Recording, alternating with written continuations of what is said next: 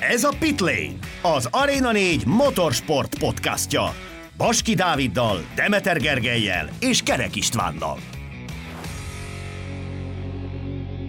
Francesco Bagnaia véget vetett a Ducati 15 éves sóvárgásának. Casey Stoner után ismét egyéni világbajnoki címet szerzett valaki a bolonyaiak motorjával, ráadásul a tökéletes csillagállás is megvalósult, hiszen 50 év után ismét olasz versenyző olasz motoron ülhetett fel a király kategória trónjára. Sziasztok, ez a Pitlane Podcast 49. adása, és természetesen a valenciai szezonzárót helyezzük majd ma a középpontba. Sziasztok! Sziasztok! És még mielőtt nagyon rákanyarodnánk, a hétvége érdemi történéseire, ugye Dáviddal mi a helyszínről közvetítettük végig, és ott kö- követtük végig a teljes hétvégét, úgyhogy az elején egy picit ilyen élménybeszámoló szerűre vesszük a figurát, és elsősorban Dávid téged kérdezlek arról, hogy mi volt számodra az, amivel igazán több lettél ahhoz képest, mint amivel elindultál Valenciába? Hát, Hát ö, neked köszönhetően tehetett plusz kilométereket az autóba Spanyolországban. nem, nem, nem, azt, azt ő oldotta meg, azt az, az ő feladata az... Nem egyébként, ez igaz. Várjál, Félig. Ja, félig, mert Félig kétszer igaz. kellett vissza. Igen, úgy, Igen, majd erről is De beszélünk. ez a vége fele volt, mert úgyhogy arra tartogassuk a, a csattanót, én úgy gondolom. Szóval ö, ez egy óriási élmény volt amúgy összegészében, és nagyon jó volt a, a az, hogy mi négyen mentünk. Tehát pont beletaláltunk abban a négy illetőbe, aki, aki szerintem egy nagyon jó fúziót alkotott ott a helyszínen. Az operatőrünk Fuchs Richard egy zseniális figura, nagyon jól látta meg a bizonyos dolgokat, meg hogy mit, hogyan kellene fölvenni, rögzíteni a képeket, hangokat, stb. Tehát ő, ő nélküle ez, ez, ez nem lehetett volna, nem jöhetett volna létre ahogy Szabó Robinak a, a lelkes beszámolói és ott a helyszínről, ahogy leszólított tényleg mindenkit, oda ment mindenkihez, beszélgetett mindenkivel, és, és nagyon jó anyagokat készítettek ők.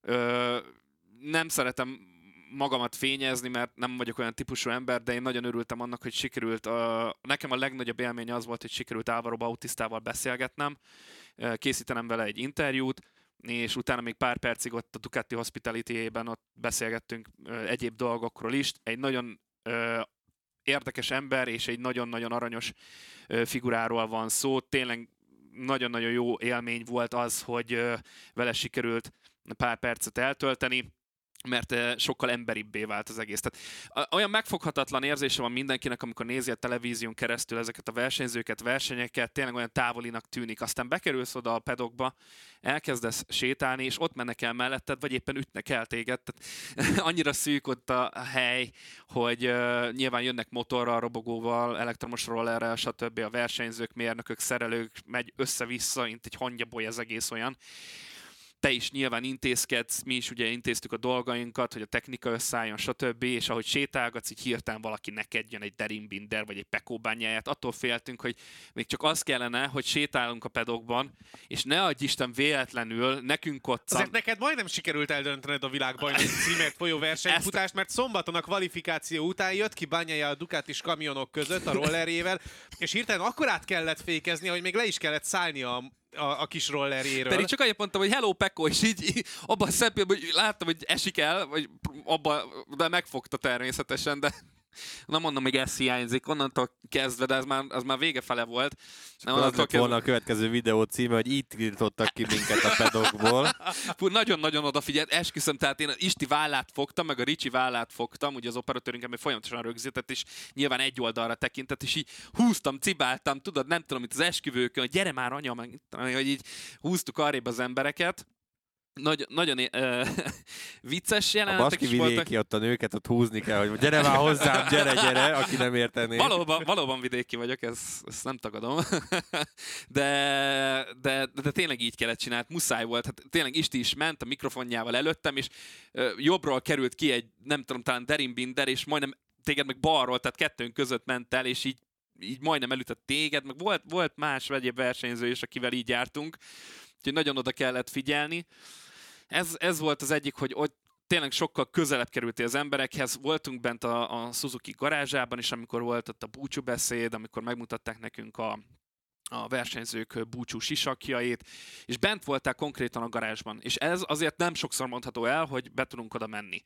Mert azért az egy dolog, hogy a box utcába be tudsz menni ezzel a tévés passzal, ami nekünk volt, de, de az, hogy forgathattunk a garázsban, az nagyon-nagyon ritka dolog. És ez is olyan volt, hogy bent állsz a garázsban, és nézel ott a hatalmas embertőnek, tényleg nem lehetett volna egy gombos tűcsel ejteni, mert annyira voltak, mert nyilván mindenki a szenzációt kereste az adott hétvégén, és, és ez volt az egyik legnagyobb.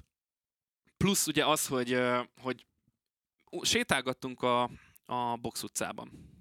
Rögzítettünk anyagot, stb. És így elmegy melletted egy ilyen ezres motor. Így kiindul. Így fölpattan előtted 5 centire, és nem viccelek, tényleg 5 centire Pekó bányájá, akiről tudod, hogy nagy valószínűsége mennyire világbajnokságot fölpattan a motorjára, és elszáguld előtted, és így wow. Tehát az, az ilyen leírhatatlan, először föl se fogja az ember, és amikor mentünk vissza például egyik teljesen mindegy melyik nap a szállásra, és így végigpörgeted, hogy mi történt aznap veled, mert ugye a munka hevében nem nagyon gondolsz arra, csak a munkára koncentrálsz, hogy az minél jobban sikerüljön, és végig hogy mit csináltál, és azt a.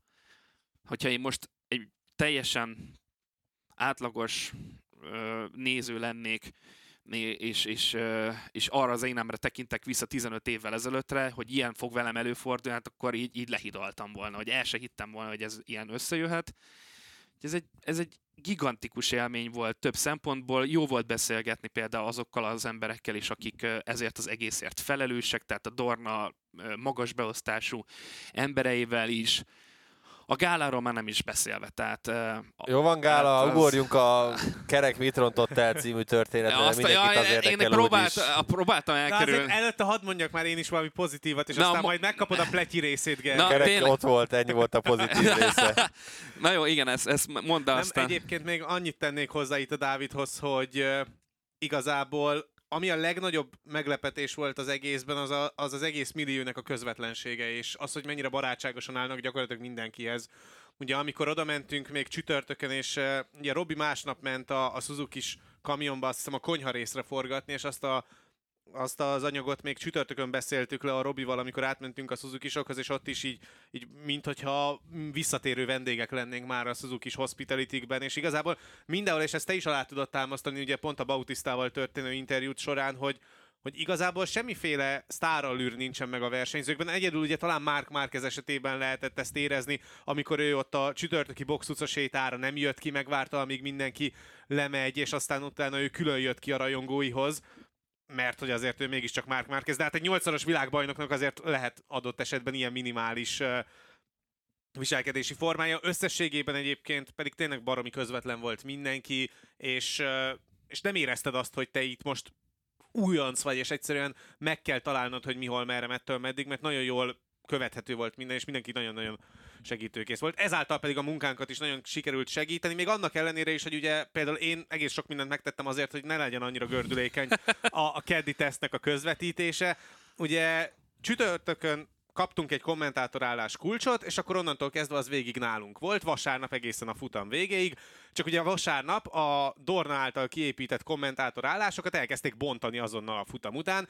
Ugye Gergőjék még a stúdióban csinálták a levezető műsort, én ugye még vártam azt, hogy esetleg visszakapom-e a szót Robival, és már kopogtak be egyébként a, a kommentátorálásba, hogy oké, okay, végeztünk-e, mert hogy akkor ők jönnének és szétbontanák az egészet úgy, ahogy van.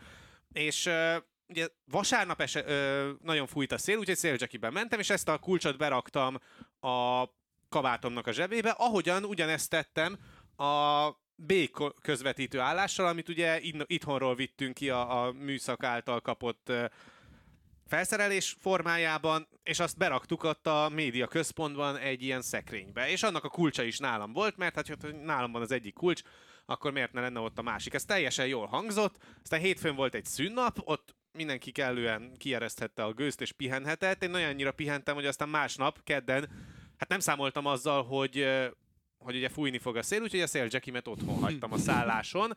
Az egyetlen probléma, hogy ugye a két kulcs az benne volt, és ö, Várjál. hát az autópályán jöttem rá arra, Igen. hogy akkor nincsen nálam a kulcs. Jó, I- mit csináljunk? Elmentünk a pályára, ott próbáltunk keresni egy ilyen alternatív megoldást. Hát, ha van ott valaki, aki egyébként képes arra, hogy kinyissa nekünk a, a kis szekrényünket, mondták, hogy 9 előtt biztos, nem? Jó, akkor Ami azért ott problémás, hogy 9-től ti nektek már közvetíteni kellett volna, ugye? 9 óra 20-tól. 20-tól, csak ugye azt beszéltük meg, hogy 8-tól mi már összerakjuk Igen, a rendszert. így van. Akkor már tesztelünk. Igen, és ugye ez volt a probléma, hogy akkor kimenjen vissza. Nyilván én mentem vissza, mert ti addig csináltatok bejelentkezést, meg ott Ne, jártátok a nem, nem, ugye utcán. az, az volt, hogy amivel nem jönnek vissza, az, a, vagy nem jön addig senki, de hát ha elcsípünk valakit mégis, én meg össze tudom rakni a technikát, ezért te menjél vissza a szállásra, hozzá a kulcsot, az legvégső esetben, hogyha addig nem tudnánk kinyitni, de addig próbálkozunk. Hát nem tudtuk volna, mert azt a szekrényt azt konkrétan fel kellett volna törni ahhoz, tehát muszáj volt azt a kulcsot megszerezni. De várj, mielőtt elindultunk reggel, az volt az első kérdésem. Visszafordultam mindenkihez. Megvan mindenkinek mindene? Minden... Ez volt a kérdés. Nem az, hogy a kulcs, meg mi egymás, mert akkor eszembe jutott volna. Dávid, Tehát, a te hibád. Igen, Nem Én tudsz nem akartam rendesen- ott és nem akkor mondani, de- rendesen kérdezni. ez, ez volt a hiba, ebből is csak tanulni lehetett. Tehát így Jó, hát indultunk igen, el. nektek ott picit, hogy mondjam ezt finoman,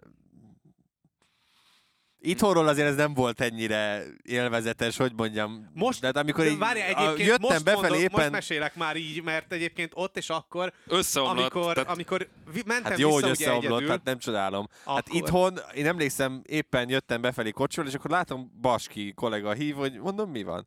Hát, figyelj, itt vagyunk már, már kinn amúgy, de hogy az van, hogy, hogy, hogy, hogy hát az Isti otthon hagyta a kulcsot, és hogy minden cucca abban a szekrényben. És akkor így először így azt hittem, hogy vicc. és akkor így mondta, hogy nem, hát mondom, jó, akkor majd később kezdjük el. Végül is olyan szempontból végül nem sok mindenről maradtunk, de hogy utána Na, már na, elég... na, na, na, na, na, na, elég- na, na, na, na.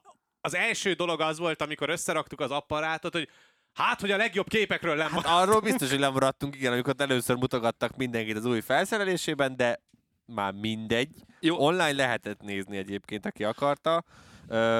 Úgyhogy alapvetően végül jól kijött, de azért volt, tehát minden napra sikerült valami alkotást összehozni a kinti stábnak, fogalmazzunk így, tehát hogy a megbeszélt időpontokat általában talán csak vasárnap sikerült tartani, pénteken és szombaton is sikerült elkésni, hogy most borotválkozás miatt, vagy mert még valaki reggelizett, ebben most inkább nem mennék bele, mert szerintem már így távolatából el, ott voltunk De hogy-. De hogy azért a meg, megbeszélt időpontokat nem mindig sikerült tartani, úgyhogy ezeket legközelebb átgondoljuk, mielőtt stábot küldünk a helyszíne, de hogy összességében szerintem elégedettek lehetünk, mert nagyon jó anyagok születtek, mindenki lelkes volt, és a vízhangok is, is tök jók voltak, engem külön felhívott a Király Laci is, hogy, hogy nagyon köszöni meg, hogy neki is nagyon tetszett. Meg mi hogy is köszönjük jó. neki, mert amúgy Igen, tényleg nagyon jó volt. neki. Úgyhogy tök jó volt, hogy a legtöbb magyarral is tudtatok beszélni, interjúzni, nagyon jó volt az is, igen. anyagot sikerült elkészíteni, úgyhogy összességében én azt gondolom, és akkor szerintem zárhatjuk ezzel, hogy egy alapvetően sikeres, sikeres hétvégét zárthatok ti is, meg mi is itt. Hát meg rengeteg tapasztalatot gyűjtöttünk megint, és a következő alkalommal, amikor megyünk, akkor már sokkal felkészültebben fogunk menni, de ez így elsőre, ez sokkal rosszabbul is sikerülhetett volna véleményem szerint, de szerintem minden jól alakult végül. Akkor térjünk is rá a hétvége tartalmi részére, mert itt most szépen elmondtuk a körítést, de hogy mi is történt egészen pontosan, hogy nyilván most már így lassan két és fél hét távolatából nem feltétlen lehet annyira részletesen belemenni, meg igazából nem is feltétlen érdemes. Minden esetre kezdjük a hétvége pillanatával, és mivel most nagyon sokat beszéltünk mi a Dáviddal, ezért Gergő te kezdheted, hogy számodra mi volt a valenciai hétvége pillanata? a legemlékezetesebb momentumot, ha kellene, akkor eh, hát élőben lemaradtunk róla, mert ugye pont akkor ment el a feed alapvetően, tehát ez pont eh, ez se jött ki túl jól, mikor eh, tehát abban a pillanatban, hogy Pekko Banyán ráfordult a célegyenesre, váltott a kamera Banyán közeli, és ott meghalt az egész, tehát azt pont lemaradtak mi is, és a nézők is, tehát azt visszanézve tudtam én is csak megnézni, de alapvetően nekem ez, ahogy ott bányája fordul rá a célegyenesre, és leintik a kockás zászlóval. Tehát ott, ott látszódott minden Ducatison is, illetve magán bányáján is, hogy ez a 15 éves szenvedés és ö, útkeresés az, az mennyire, de mennyire nehéz volt tényleg a Ducatinak, és talán a legnagyobb megkönnyebbültséget egyébként Dalinyán lehetett látni mindent egybevéve, mert azért ne felejtsük el, hogy ő 13 végén úgy érkezett ide, hogy ez volt az első számú cél, hogy egyéni világbajnoki címet ö, nyerjen a Ducati, és hát ezt végül összehozta, kellett hozzá. Ha azt nézem, hogy 13 végén érkezett, ugye akkor a 14-es motor az már nem az ő, az még nem az ő kezemunkája, de hogy onnantól kezdett, tehát hogy ilyen 8 év alatt ö, sikerült ö, megtörni ezt az átkot, és hát nagyon-nagyon nagy szükség volt már erre az olaszoknak, én azt gondolom. Hát nem kapott el Gigi Dalinja, de hát erről nem csak ő tehetett, hogy ez így alakult. Minden esetre minden ellenük dolgozott az elmúlt ö, években, azért azt tegyük hozzá, hogy, amik, hogy vagy a technika, vagy a pilóta, tehát mindig volt valami, ami megakadályozta őket a, ahhoz, hogy megszerezzék az egyéni címet, meg hát volt bivaj erős Honda Mark Márkezzel, de tényleg 15 év után. Hát nekik hamarabb összejött ez, mint a ferrari a Forma 1-be. De ezen viccelődök itt az ismerőseimmel, barátaimmal, hogy a Ducatinak azért ez, ez még hamarabb összejött, mint, mint nem Igen, ez a, a mém. Dávid egymaga a mém, a crying mém, ami, hogy ha ha ha ha. Igen, igen, ez a Hide the. Pain Harold, a, Igen. úgyis a, nem fog eszembe jutni a magyar neve, pedig magyarul van. Na mindegy, Arató Andrásnak hívják. Azt A, hiszem. igen, elfelejtettem már a nevét, de igen. De a lényegen nem változtat, hogy körülbelül ez, az, ez az arcom ilyenkor, de nagyon örülök én is a Ducati sikerének. Nekem a Momentum az volt, de szintén a Ducatihoz köthető, mert azért én is, tehát nagyjából azért elmondhatom, hogy nagyon sok versenyzőnek drukkolok, de Pekó bányája a top, ö, top most nálam. Na megy a divattal. Most, hogy a Miller nem jó, meg mert a Mizánóban, megy- amit hoztam, sapka az milyen? Ne, 63-as. ne engedjük ezt el, hogy kikinek, jó? Na, Haladjunk. És, és a lényeg az, hogy ugye ott voltunk a box utcában a Ricsivel forgatni, és amikor megállt a, a bányájá, már a, az Ja, új megint gúnyájába. ki voltam a helyszínen. Ezt mennyiszer fogom megkapni a Geritől, meg te is most, a Mizánó után is. Nem attól függően, hogy hányszor mondod el. Nem baj, hát a nélkül is megkapom, ne aggódj. És a lényeg az, hogy, hogy ott, ott tényleg 5 centire tőlünk, ott, ott örült, nem kameraképen, hanem ott így előttünk örült meg az egész csapat, meg ment a, meg a pekózás, meg minden. Szóval a, a, nekem az volt az a momentum, az volt a csúcspontja a hétvégének, amikor őt láthattam így élőben. Akkor én mondok kettőt, mert hogy én a helyszínen közvetítettem az eseményeket, és láttam azt, amikor ugye Pekko Bányája átszakította idézőjelben a célvonalat, de ehhez kapcsolódik egyébként Alex Rins célba érkezése, ahol ahol ugye igazából azzal dölt el a világbajnoki cím, hogy ott Rins bejött elsőként a célba, és utána az a teljes lelki állapot, ami egyébként ott a Suzuki boxában tapasztalható volt, ugye vettünk fel utána egy összegzőt a hétvégéről Robival és Dáviddal, és ugye ott éppen zajlott a suzuki nagy ünneplés, úgyhogy én összességében igazából a Suzuki-nak ezt a, ezt a katarzisát, amivel búcsúzik a király kategóriától, én ezt emelném ki, mert túl egyértelmű lenne ismét a bányájá féle történetszálat idehozni. Általában a futamgyőztessel szoktuk kezdeni a hétvége részletes kibeszélését, de hát most ki mással, ha nem Pekko bányájával, illetve a Ducatival kezdenénk. Ez minden szempontból egy célmotorozás volt, amit Pekko bányája megvalósított a vasárnapi futamon. Kérdés, hogy mi lett volna akkor, hogyha mondjuk nem akad össze Fábio Quartararóval, és nem veszíti el a, a jobboldali kosárfülét Ugyanez. a motorjáról, mert hogy ugyanez? Tehát nem, Ugyanez. nem gondoltad volna azt, hogy akkor egy picit agresszívabb, Nem. hanem ugyanígy, ugyanennyire kockázat kerülően motorozik. Nem, ez pontosan ugyan ugyanolyan volt ez a motorozás, amit láthattunk bányájától, mint amit Joan Mir 2020-ban megcsinált ugyanígy Valenciában, amikor tudta, hogy valahol ott a középmezőnyben kell csak beérnie, és matematikailag, matematikailag is ő a, ő a világbajnok. Ugyanezt láttam Francesco bányáján egész hétvégén alapvetően, és ő is mondta, és érezhető is volt rajta, hogy azért egy picit, picit megjelent a nyomás rajta, illetve a, a görcsösség is nagyon sok szempontból látszódott mind rajta, mind a csapaton. Tehát az volt az érdekes egyébként, hogy azért is lehetett nagyon nehéz dolga bányájának, mert hogy a körülötte lévő, lévő embereken azt láttad,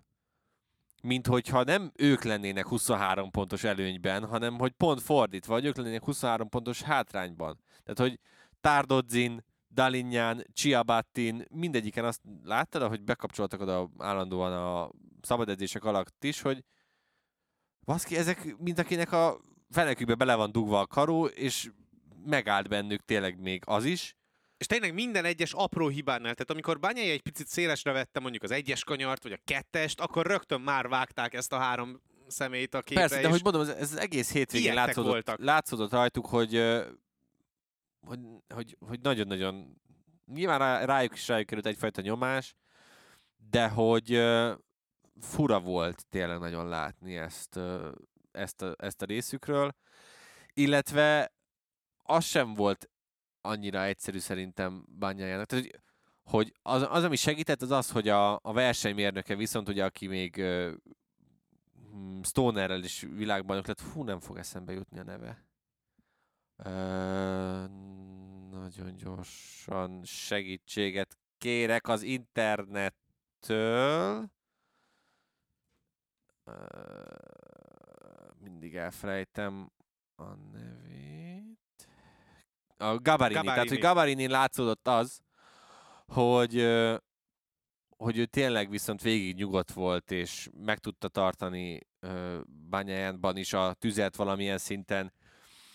Igazából, ha őszinték akarunk lenni, akkor ez a világbajnoki versenyfutás már szombaton eldőlt. Azzal, hogy Quattraro nem tudott az első sorba kvalifikálni, az nagyon-nagyon mm, sokat számított, mert a versenyen ugyanúgy előjöttek azok a hibák, amik, amik korábban is láthatóak voltak a Yamaha-tól, hogy egyszerűen ezzel a motorral nem lehet előzni. Tehát, hogy Quattraro itt, ha beletett volna ennél többet, akkor egyetlen dolgot ért volna el, hogy elesik már a futam során. Ványája meg tényleg, én azt gondolom, hogy egyszerűen hozta a kötelezőt. Tehát, hogy ennél többet nem akart, és tudta, hogy neki az egyetlen dolga tényleg, hogy amíg Quartararo versenyben van, addig valahogy ott maradni a, a, a pontszerzők között, és végül, tehát az, hogy mennyire nem állt bele semmilyen csatába, az nagyon-nagyon látványos volt. Nagyon sokkal nem tudom kiegészíteni amúgy azt, amit mondott a Geri, mert uh, tényleg ez látszódott, főleg azok, azok után, amit te is mondtál, hogy összeért Quartararóval. Nekem az volt még talán egy ilyen pillanat, hogy uh, amikor elment a két gyári Ducati Quartararo mellett. Az volt a döntő. Tehát egyrészt a nem mm, jó rajt, már alapban a start pozíció, amiről szintén Geri beszélt Quartararo esetében, hogy az nem volt, meg én is azt mondtam, hogy ez így vége.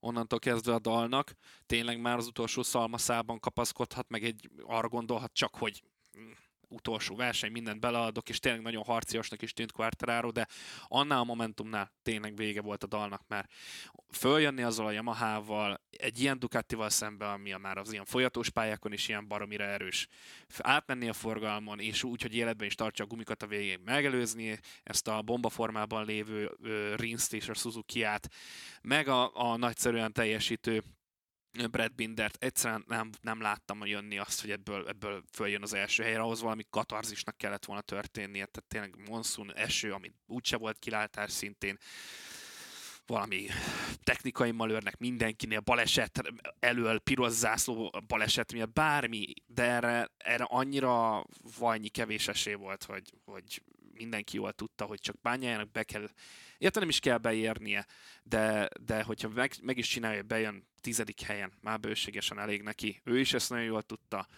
A Ducatinál persze izgultak, hogy jaj, csak ne legyen valami baj most, mert bármi előfordult, ilyenkor azért... Igen, azért velük már sok minden megtörtént. Velük azért már sok minden megtörtént. Bármikor elő... év alatt, igen tehát bármikor bejöhet az, hogy, hogy náluk történik olyan dolog, amire nem számítanak abszolút, tehát ők ezért izgultak jobban, Bányája pedig csinálta a munkáját, a feladatát, ami föl volt írva neki a, a könyvébe, a kis füzetébe, és tökéletesen megoldotta, amit kellett. Nem most dölt el, ezt tényleg én is ezt valom, hanem már Malajziában, plusz itt az időmérőn. Ez a kettő volt az, ami, ami végleg eldöntötte ezt a bajnoki címet.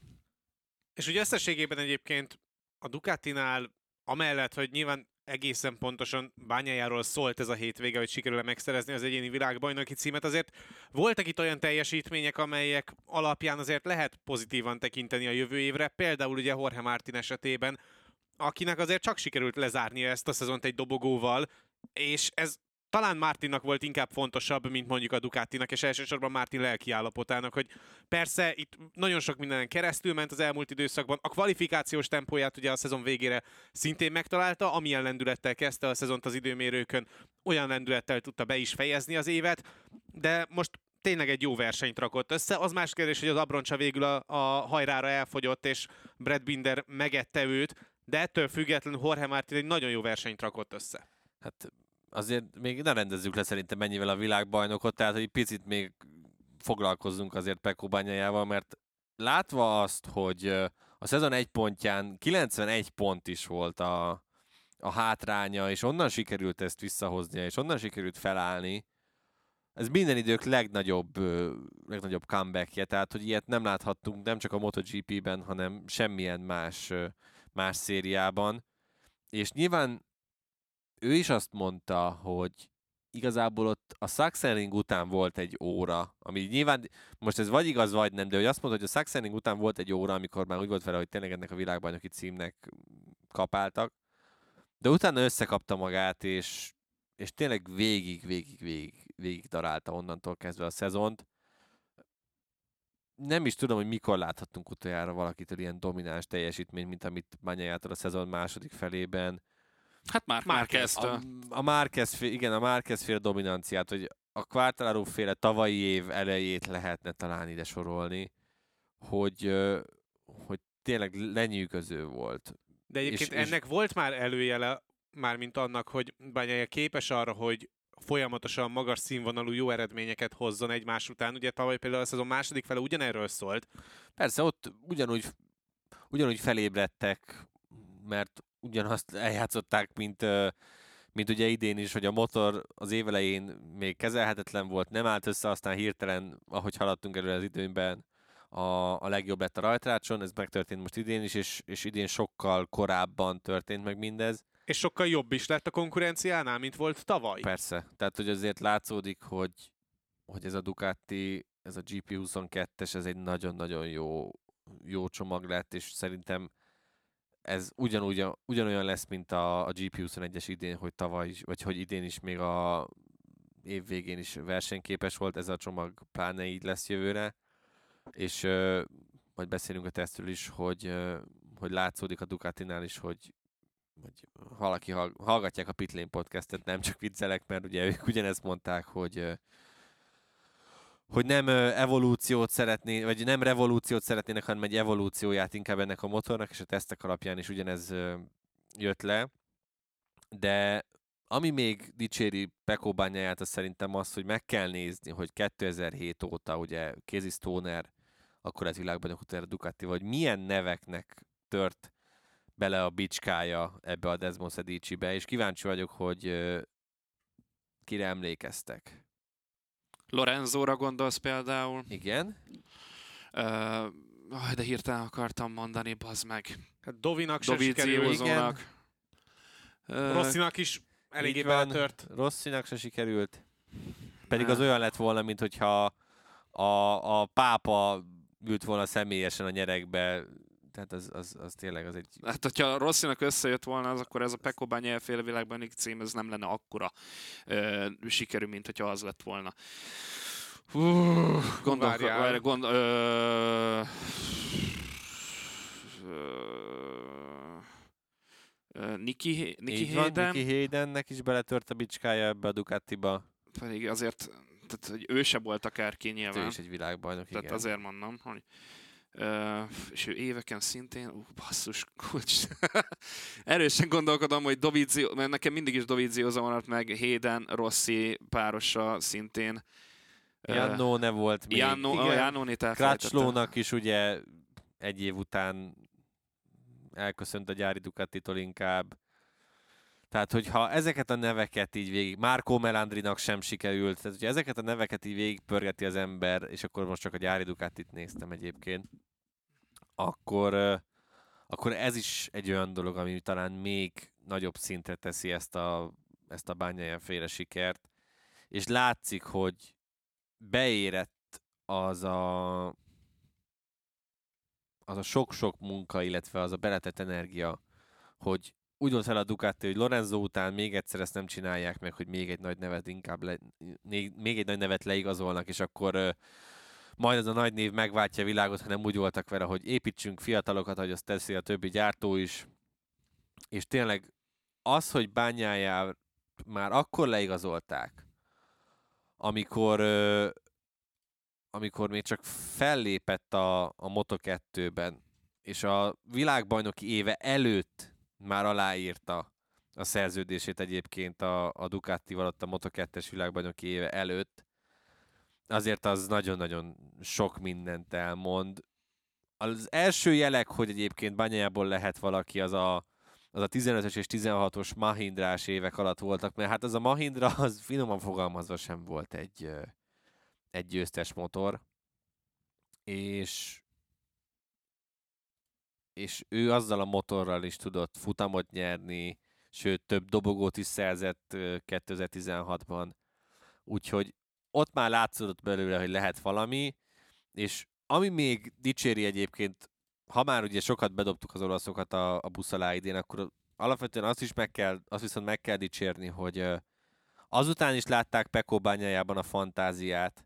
Nyilván ez most olyan szempontból jól is jött ki nekik, hogy Doviziózó is azt mondta, hogy köszönöm, nekem ennyi elég volt ebből a motorból, de hogy azután is látták banyájában a fantáziát, hogy a két pramakos éve az gyakorlatilag a, a Mizánói futamot, a két Mizánói 2020-as futamot és a, és a 19-es Ausztrát leszámítva, az gyakorlatilag majd, hogy nem értékelhetetlen volt. Tehát 2020-ban sérülés is hátráltatta egyébként alapvetően, de hogy sok életjelet azon kívül nem adott magáról, azon azt leszámítva, hogy az egykörös tempója megvolt sokszor, illetve látszódott, hogy az ő stílusával abszolút működés lehet bírni ezt a Desmond Sedicit, és tényleg összeért, és ez egy nyerő, nyerő csomag lett, Úgyhogy a türelem az, az, most, az most kifizetődött. Annyi mindent elmondtál már Banyájáról, hogy nem nagyon tudok megint csak hozzáfűzni semmit, de egy dolog megragad bennem, hogy egy dolgot nem, lehet, hogy nem tettél hozzá, de lehet, hogy elsuhant mellette az én agyam, hogy tavaly úgy került át erre a gyári motorra, hogy nem volt mellette egy tapasztalt versenyző, aki ugyanezzel a motorral ment volna ö, kottára. Tehát megkaptam Millert ugyanúgy a szintén gyári öltözékben, tehát egy újonc páros volt lényegében a gyári ö, Ducati. Hát annyival Miller azért veljebb volt, hogy mindig volt. a legújabb ö, a legújabb fejlesztésű Ducatit kapta már az utolsó két évben a Pramáknál, ugye miután Petrucci elkerült onnan. Megkapta, de kicsit talán más az, amikor azzal a gárdával dolgozol együtt effektíve, amelyik a gyári alakulat. Tehát ilyen szempontból értem azt. Nem feltétlenül volt ez, és így sikerült neki a második évében világbajnoknak lennie, úgyhogy az elsőben is azért valljuk be közel járt hozzá. Tehát az nem, nem mondom, hogy érdemtelenül lett Quartararo, mert ez baromi nagy hülyeség lenne ilyet mondani, mert nem igaz, de közel járt ahhoz, hogy már az első évében megszorongassa, az első gyári évében Quartararo-t meg is szorongatta, és a, a csapat világbajnoki, meg a gyártói világbajnoki cím össze is jött. Ez az egy lépcsőfok hiányzott, és majdnem tényleg, ahogy kezdted a monológodat, a, majdnem elolaszozták ezt az egészet a 2022-es szezonnak az elején mert ott azzal a hibrid, nem hibrid, ezt döntjük, így csinál, úgy csinál, 85 féle variációval jöttek ki, tehát nem tudom, hogy a számítógépükön milyen elnevezések voltak már beállításokra és a motor összerakását illetően, hogy akkor na emellett döntsünk, de százféle variáció lehet, hogy volt. És ebből valahogy kiámazták azt, hogy egy világban neki motor legyen. De ez tényleg az kellett, hogy Peko is fejben összerakja magát, a motor alatta az legyen, amit ő szeretne, és tényleg az az Axelringi verseny az volt a kulcspont. Ott tényleg elengedett már szerintem mindent, azt mondta, hogy ebből elég volt, addig a pillanatig annyi ütést kapott az élettől ebben a szezonban, hogy úgy volt vele, hogy nekem úgyis mindegy már, ehhez. Tehát mit mond, én sose fogom elfelejteni azt a podcastet. Mind a hárman azt mondtuk, hogy Sachsenring után innen nem lesz világbajnok. Ez megint Quartararoé. Tehát innen nem áll föl és megcsinálta. És ez a legnagyobb szenzáció ebben az egészben, pontosan amit mondtál, hogy 91 pont hátrányból fölállni. Mennyi volt a legtöbb az előtt? 45? 48. 48. 48. 48 pontos hátrányból. Ez valami félelmetes.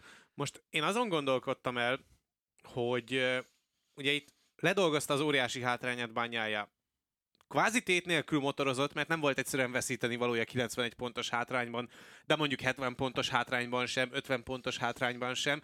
És ahogy haladtunk előre az időben, úgy jutottunk el egy olyan pontra, ahol már lett volna veszíteni valója bányájának, és még akkor sem tört meg, és azért ebből a szempontból látszik egyfajta szintlépés bányája motorozásán fejben, illetve sokkal jobban előjönnek a versenyzésbeli adottságai és az okos versenyzése mint mondjuk tavaly, amikor szintén ugye tét nélkül motorozott, és idén is a szezon jelentős részében.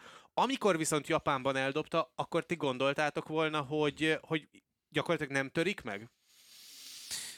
Hát nem tudom, ezt majd nyilván a, a szezon kibeszélőben jobban át, átrágjuk majd. Alapvetően Én megjettem, én azt mondom. nehéz volt, ott- tehát ott tényleg az ázsiai körút, meg Ausztrália, az hozta ezt a hullámvasutat, talán még a vártnál jobban is, mint amit, amit vártunk tőle. Igen. De, de, de ez nagyon sok minden kellett, hogy ilyen hullámvasút legyen. Az, hogy évek óta nem voltak bizonyos helyszíneken ezekből. Hát igen, nyilván ezek, ezekben játszott. Az, hogy évelején teszteltek Malajziában, végül kiderült, hogy annyira sokat nem ért. Na Kerek úr, most jöhet a maga pillanata, rágjuk át a többi Ducatit, aztán Nem, hát igazából én ugye Mártinról akartam volna még ennyit beszélni, de összességében ugye Miller bukott az utolsó Ducatis versenyét, tehát nem tudta szépen lezárni, pedig ugye ott volt végig Hát a a, dobogóért folytatott harcban. a tökéletes Milleres lezárás volt, azért ez egyfajta szempontból nem megbántva Jack Millert, igen. És akkor ott volt még Zárko, aki ugye szintén nem fejezte be a futamot, tehát összességében egyébként a Ducatinál érdemben csak Mártinról és nyilván Bányájáról lehet beszélni, a többiek igazából vagy be se fejezték a futamot, vagy ugye el voltak szürke mezőny tagként. Igen, ez a Martin féle vonalat, ez, ez, ez, ez így a végére ez jól sült, sült el az ő szezonja.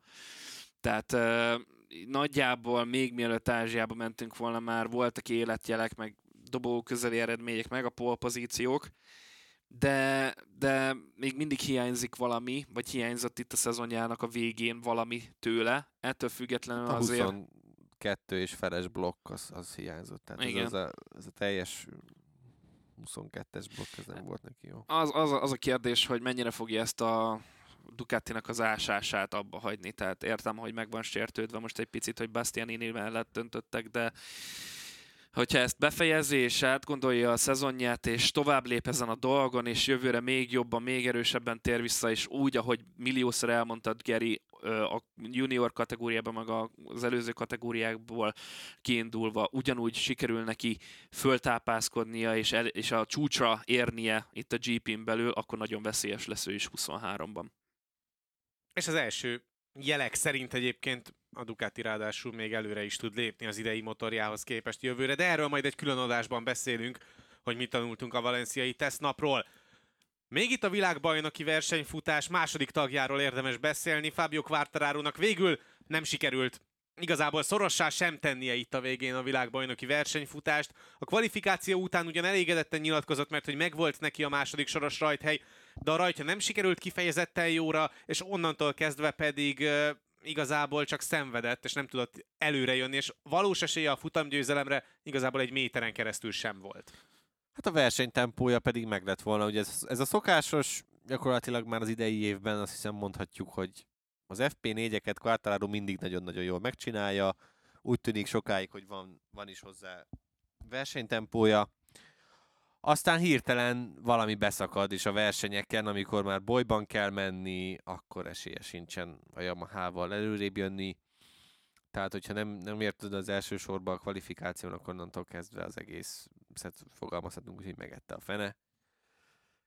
Igen, Quartararo ugye azt mondta, hogy hát, hogy is mondjam, ki, kell, ki kellett kapcsolni a, a tévét is, ez a, felvételek is kerültek fel róla, az ünneplés már nem nagyon tudta nézni, mert elpityeredett, amikor látta, hogy a, a Ducatisok hogyan ünnepelnek. Nehéz lehet olyan szempontból azért Fábio Quartararo-nak lenni, hogy félig hátra kötött kézzel kellett ezt az idei évet végig megcsinálnia, mert a, a Yamaha féle fejlesztések azok gyakorlatilag mondhatjuk, hogy egyik sem működött, tehát ez, az, ez a vázat leszámítva, az aerocsomag, amit Mugello-ra hoztak, az nem előrelépés lett, hanem hátralépés, és ugye a, a Mugello-i versenyen Quartararo úgy tudott dobogóval állni, hogy a versenyre visszacserélte a régi aerót. Nehéz, nehéz. És ugye a blokkot se tették be végül, mert hogy megbízhatatlansági problémák voltak vele, így Quartararo az egyenesbe gyakorlatilag esélytelen volt bárkivel szemben. Nehéz lehetett idén Fábio quartararo lenni, ennek ellenére azért tegyük hozzá, hogy mindent megtett, és majdnem meglett ez a, ez a világbajnoki cím, de, de ennél több kell, és Egyértelműen a Yamaha felelőssége az, hogy végül nem sikerült 91 pontos előnyből nyernie Quartararo-nak bajnoki címet, vagy azért egy picit elő is lehet venni a franciát? Sokan mondták, hogy ezek a megingások, amik itt jöttek a, a szezon vége felé tőle, Malajziában is és Ausztráliában is, azok azok a 2020-as quartararo idézték sokak szerint, hogy ő ott is egyszerűen megingott a, a nyomás alatt. Én nem ezt éreztem, én azt éreztem, hogy hogy túl kellett, és 2020-ban is túl kellett erőltetnie, mert nem a megfelelő csomag volt alatta, és ez most is ugyanez volt.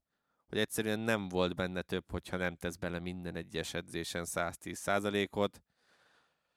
Úgyhogy én inkább, én azt mondanám, hogy ilyen 90-10 a Yamaha javára, hogy ez, ez, ez rajtuk ment el, és szerintem ezt pontosan tudják ők is.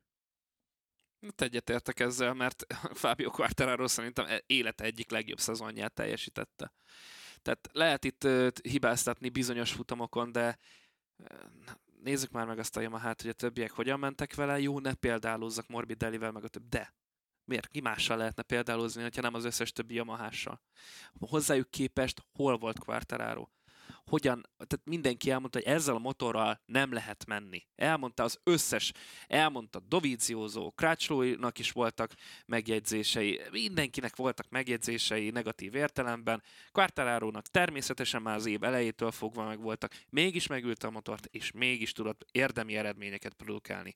Tehát aki úgy gondolja, hogy Quartararo saját magának köszönheti azt, hogy nem lett világbajnok, vagy nem védte meg a világbajnoki címét, az egy baromi nagy hülye és ne haragudjon meg, mert erre nem tudok más mondani. Olyan világ, tehát, és minden egyes versenyző, vagy nagy része a versenyzőknek megkérdezte, hogy a Valenciában ki érdemelné meg, vagy ki lenne szíve szerint világbajnoki cím. És egy jó része azt mondta, hogy Quartararo De még maga Banyaja is azt mondta, hogy a jobb igen. versenyző az Quartararo volt ebben a igen, szezonban. Igen, igen, igen. És szerintem ennél többet nem kell mondanunk. És ezt nem azért mondta, mert hogy ő jó fej akar lenni, meg nem akar ő lenni a, a rossz, hanem azért, mert teljesen igazon is, és tisztában van azzal, hogy azt nem, tehát nem, nem akart egoista lenni. Olyan túlzottan egoista, meg nem is olyan személyiség Banyaja. Legalábbis ezek alapján, amit eddig megtapasztaltunk róla. Úgyhogy az, hogy nem sikerült, ez a világban egy címvédés nem 90-10 nálam, hanem 100%-ban a Yamaha, a Yamaha számlájára írandó, még akkor is, hogyha a kulcs ö, verseny hétvége után, tehát Sachsenring után egy negatív spirálba került. Van bármi, ami még bennetek maradt Quartararóval kapcsolatban? Vagy majd a szezon Azt jó volt műsorban? látni egyébként, hogy csak hogy még Valenciáról beszéljünk egy pillanatot, hogy hogy azért oda ment egyből a, ő is bányájához is gratulált neki, amikor, amikor begurult, és és ez tényleg azért nagyon-nagyon jó. Nagyon nagy sportember, tehát le a hát jó, alapvetően ez is egy jó dolog szerintem, Igen. hogy jó viszonyban vannak a versenyzők egymással. Így van. Franco Morbidellit egyébként egész szezonban nem mutatta annyiszor a kamera, mint Valenciában az utolsó kettő körben, mert ugye ő kísérte be végül bányáját a célba, Morbidelli a tizedik lett, úgyhogy így zárta a szezont a második legjobb eredményével ebben a szezonban, bármilyen furcsa ezt kimondani. Botrány. Erre nem tudok más szavakat mondani. Bocs, de ne haragudjatok meg, de ez botrány. Frankie, Frankie Morbidelli ennyire visszaesett, hogy ebben... Nem is érdemel több szót, ennyi. Nem. Igen. Úgyhogy kanyarodjunk is rá a végső sorrendre a valenciai futamon. Alex Rins és a Suzuki Győzelemmel tudták búcsúztatni a gyártót a MotoGP-ből. Alex Rins egészen fantasztikus volt, és amellett, hogy nagyon jó versenytempót produkált, a rajtja szintén olyan volt, amilyet szerintem ebben a szezonban biztosan nem láttunk tőle, de lehet, hogy pályafutása egészét tekintve a legjobb rajtot hozta, és ez végül döntőnek is bizonyult a futam szempontjából. Abszolút így van. Nehéz szavakat találni egyébként erre a búcsúra, hogy hogy ezt milyen lehet így megélni belülről alapvetően, hogy az utolsó három futamon Alex Rins szerezte a legtöbb pontot. Tehát ugye Ausztráliában nyert, Malajziában ötödik lett, itt pedig megint nyert tudott Valenciában. nem tudom, milyen érzés lehetett Suzuki-snak lenni ezen a hétvégén, látva azt, hogy, hogy egy így, tehát így kell kiszállni egy sorozatból, Igen. hogy nem az van, hogy ott a végén kavírnyászol valahol, és akkor azt mondod, hogy hát tényleg ennek így nincsen semmi értelme, hanem az utolsó három futamból kettőt megnyer az egyik versenyződ. És egyébként, hogyha már most, hogyha hogyha most így beszéltünk pont Quartararo-ról, akkor tehát Fábio Quartararo egy ilyen Suzuki-ért szerintem ölt volna az idei évben alapvetően. Tehát, hogyha a Yamaha ilyen jó tudott volna lenni, mint amilyen ez a Suzuki volt, akkor akkor lehet, hogy az idei év világbajnokát megint Fábio Quartararo-nak hívják, de most zárójel bezárva. Szóval, hogy ez hihetetlen lehet a suzuki soknak, és nyilván mindenki tudja, hogy ez egy, hát ez egy ilyen corporate decision volt. Próbálnak ezen is pórolni most a Suzuki-nál. Nem tudjuk az összeget, ugye, hogy most mennyit csengetnek ki végül a Dorga, Dornának, ugye azért, hogy felbontják ezt a szerződést korábban. De hát, de hát ez, ez azért ez elég, elég fájó. Alapvetően én azt gondolom, hogy azt viszont senki nem akarta volna látni, hogy ilyen halott állapotban itt legyen a Suzuki, és akkor még kettő év múlva is ugyanezt a motort nézed mindenféle fejlesztés nélkül. Tehát az viszont jó lesz, hogy ha nem tudják komolyan venni, már pedig úgy tűnik, hogy Suzuki nem tudta komolyan venni ezt a, ezt a MotoGP-zést már az utóbbi 2020-ban megnyerték a világbajnoki címet, de ott már lehet, hogy ugye mikor Davide Brivio is inkább eligazolt, akkor már ő sejtett valamit, hogy ez egy lefelé ívelő tendenciát fog mutatni innentől kezdve ez a projekt. Rossziék nagyon szerettek volna például Suzuki-val menni, rájuk csapták az ajtót a japánok. Tényleg azt gondolom, hogy ha nem tudják már komolyan venni ezt a projektet, akkor inkább ne legyenek itt, bármennyire is fájó ez nagyon-nagyon sok, sok szempontból. Nagyon nehéz szavakat találni erre, mert én nem voltam sose az a Suzuki fan, hogyha lehet így mondani, viszont látva a helyszínen őket, az, hogy is fogalmazzam meg, nagyon kedvesek voltak, nagyon tisztelet, nagyon nagy tisztelettel bántak mindenkivel, és mindenki nagyon szomorú volt. Tehát beszélgettünk mindenkivel ott a Suzuki berkeken belül jóformán, és mindenkinek nagy mosoly volt az arcán, de mellette azért ott voltak a sírós szemek. Tehát így, így ez a kettős, ez a hullámzás volt bennük érzelmileg megállás nélkül azon a hétvégén. És az tényleg nagyon jó, hogy így tudta lezárni. És amikor Lynn Jarvis azt mondta, hogy hogy mi a francért léptek ti le, hogyha ilyen motorotok van. Tehát, hogy, hogy mi, miért kell nektek kilépni ebből az egész bajnokságból, úgy, hogy fejlesztés nélkül hoztatok két győzelmet az utolsó három versenyen, amikor még bőven volt tétje a világbajnokságnak. Bőven. És, és, és így nem tudnak rá választ adni. Tehát Hát de, hát tudnak választ adni, meghozták felül a döntést, aztán nem lehet ezzel ennyi. mit kezdeni. Hát ennyit tudnak válaszképpen adni. Igen, tehát igen. hogy nagyon nagy párbeszéd ebben nem volt vélhetően a vezetőség, illetve az alkalmazottak Nem. között. Nem, hát ez, egy, ez, ez meghozták a nagyfiúk a döntést, a legnagyobb fiúk, és ennyi volt a történet. De ez, amúgy nekem az volt a feltűnő még, hogy ö, a versenyzők közül ö, Rinsnek jobban fájt ez, mint Mirnek, hogy, hogy búcsúzni. Hát ez nagyon egyszerű, mert Rins az egész karrierjét a Suzuki-nál töltötte a MotoGP-ben, ő nagyon-nagyon régóta ott van ennél a projektnél, és, és nyilván az látszódott rajta, hogy neki ez jobban, jobban fog fájni. Ami érdekes volt, hogy ugye nagyon mondta Rins, hogy ő nagyon szeretné ezt a motort, reméli, hogy odaadják neki, Hát, Hát- nem. nem tudjuk, hogy végül mi lett belőle, valószínűleg nem adták oda neki ezt a, ezt a motort, pedig szép búcsú lett volna.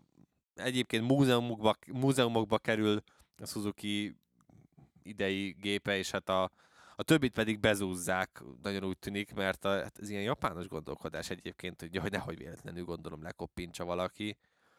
Amit már csak azért nem ott ér... már nem mindegy. De a, egyrészt, hogy mindegy, másrészt pedig ugye például azt a Tomoként, aki tehát a blokkfejlesztésnek az, ennek az egyik atya volt, az például már leigazolta a Yamaha, tehát hogy előbb-utóbb úgyis minden titok fejlesztés, mm, meg, okos megoldás, amit a Suzuki alkalmazott, mm, ki fog ö, derülni, illetve más csapatok elkezdik majd azt használni.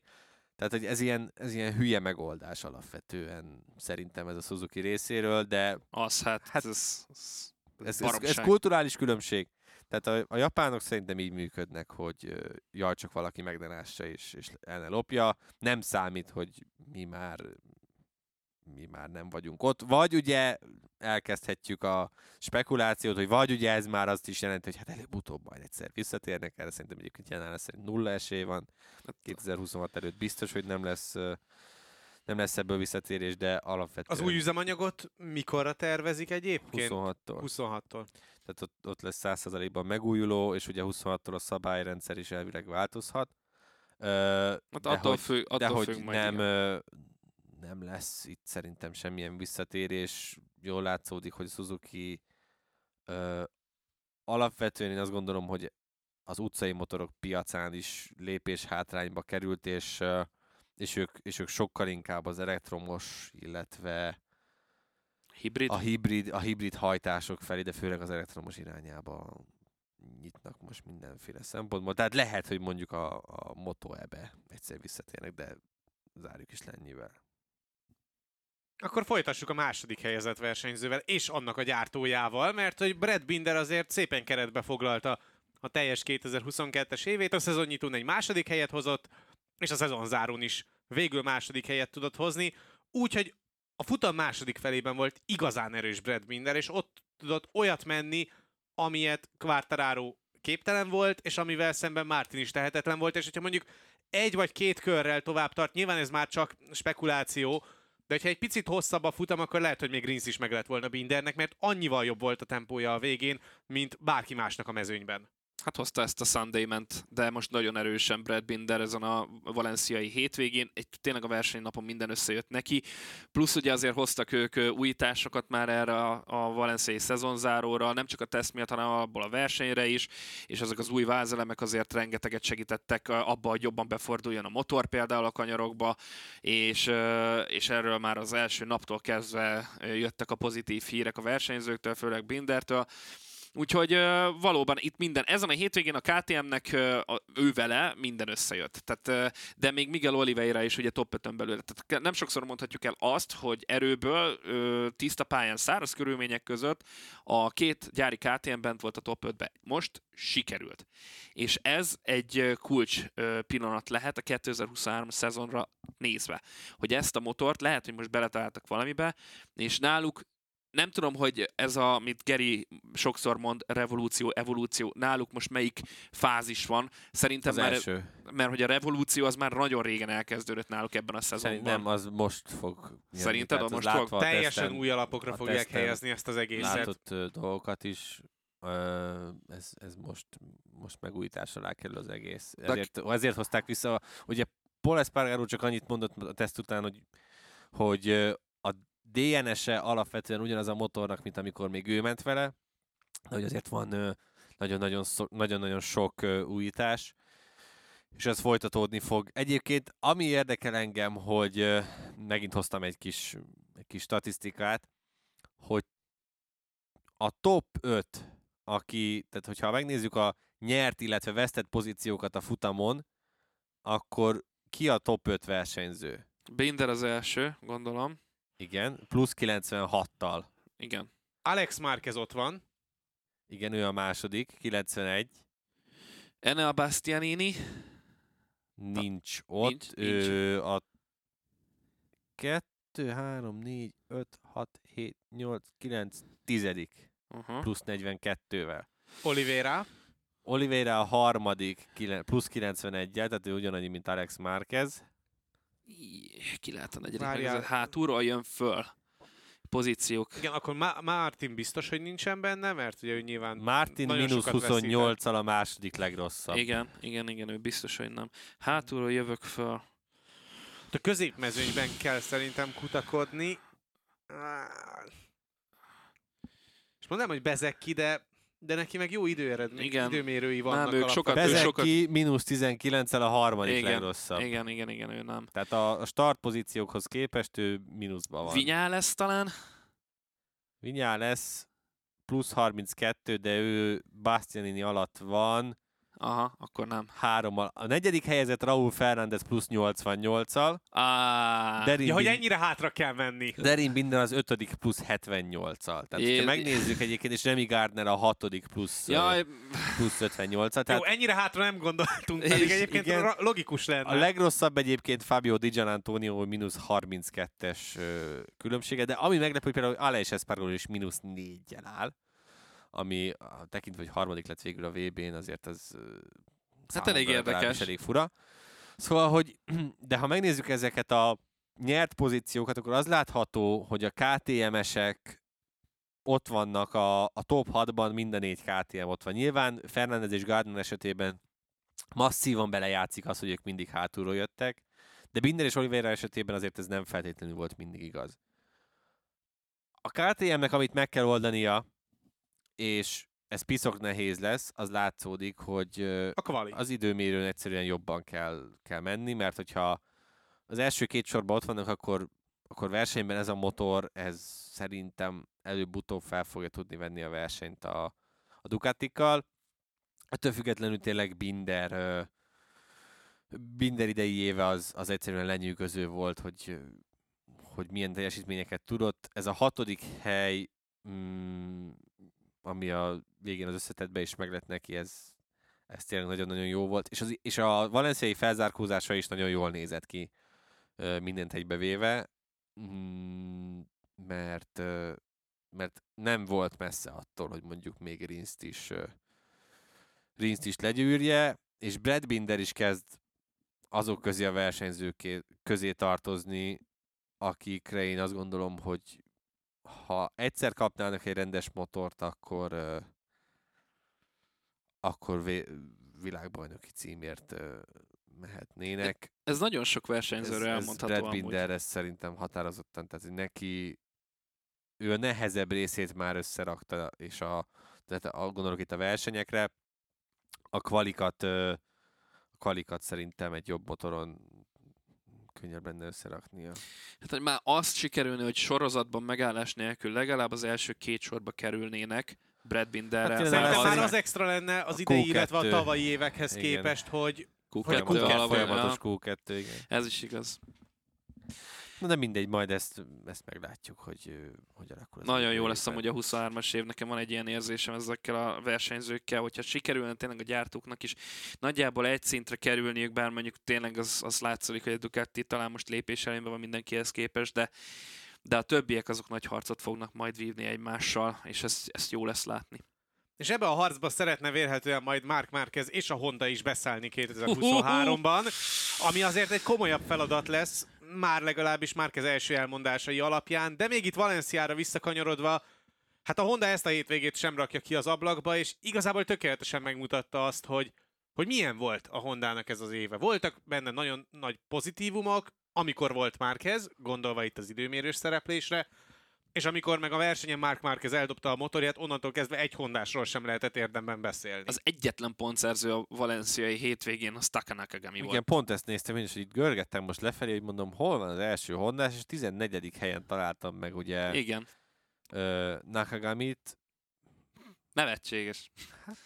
Volt már nekik ugye ez, ebben az évben nullázásuk, tehát hogy egyikük se szerzett pontot, ami tényleg a mélypontja volt, de ez. Persze, és én nagyon bíztam már kezdve, hogy itt Valenciában valami nagyot ö, guríthat még itt ö, szezonzáróra. a Harmadik dobogós volt, mikor elesett, ugye? Valahol ott az elejében volt, azt most nem esküszöm meg a harmadik. szerint, nem, harmadik volt, mert akkor még Miller mögötte volt. De a lényegen nem változtat, hogy, hogy eldobta a motorját magától, csak ő volt emiatt a, okolható szerintem. Olyan, olyan szempontból vállalható volt, és ezt Márquez is mondta, hogy most érezte magát a legjobb formában mindent egybevéve. Valenciát amúgy is szereti, hogy megpróbált a szokásosnál is nagyobb kockázatot vállalni, mivel alapvetően tétje nem volt, de hogy nyilván próbált volna egy adott esetben egy győzelemmel búcsúzni az idei évtől.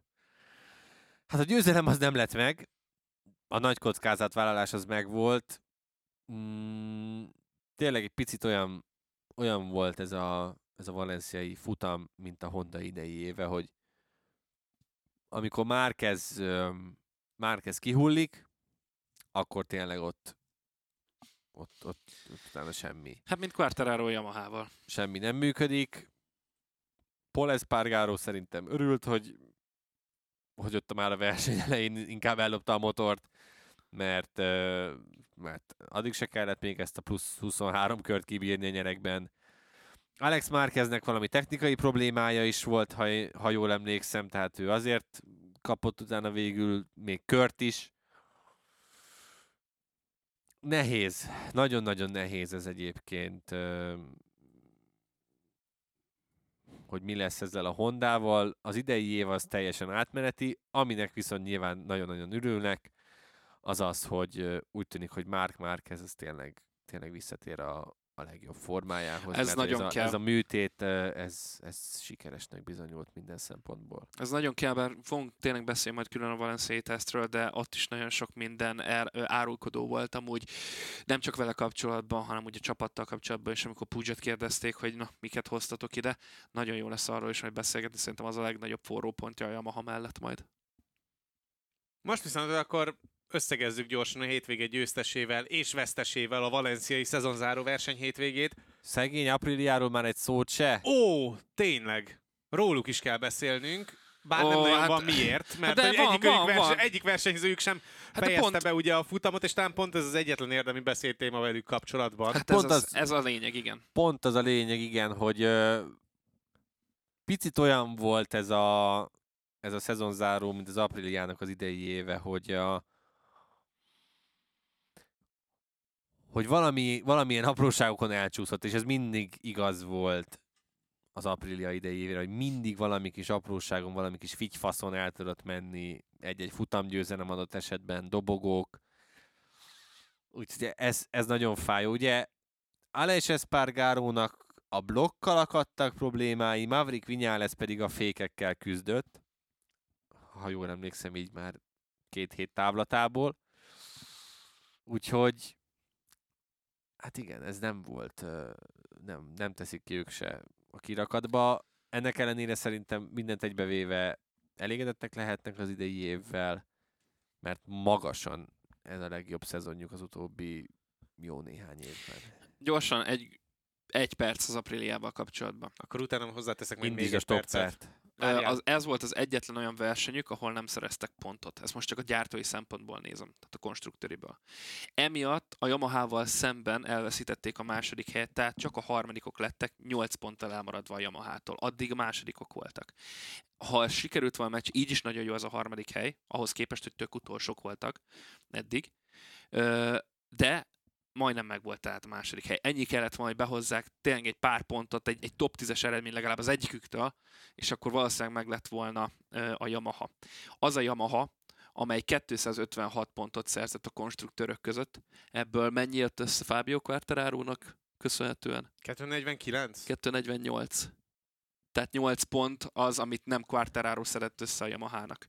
De a nagy részét természetesen az Apriliánál, a, főleg a szezon elejében uh, Aleix Espargarónak köszönhettek, de azért ehhez rengeteget tett hozzá a második felében Maverick Viñales is az ő jó teljesítménye, pláne ott már nyilván az Axelringen kiesett, de szintén ott az Axelring környékén kezdett életezni Maverick Viñales, és, uh, és, és, és a vége felé tényleg már mind a ketten ki voltak teljesen akadva a csapatra, csak erről tudtunk beszélni, hogy ők megállás nélkül zsörtől, vagy idegeskednek amiatt, hogy, hogy most elég rossz paszban van a csapat.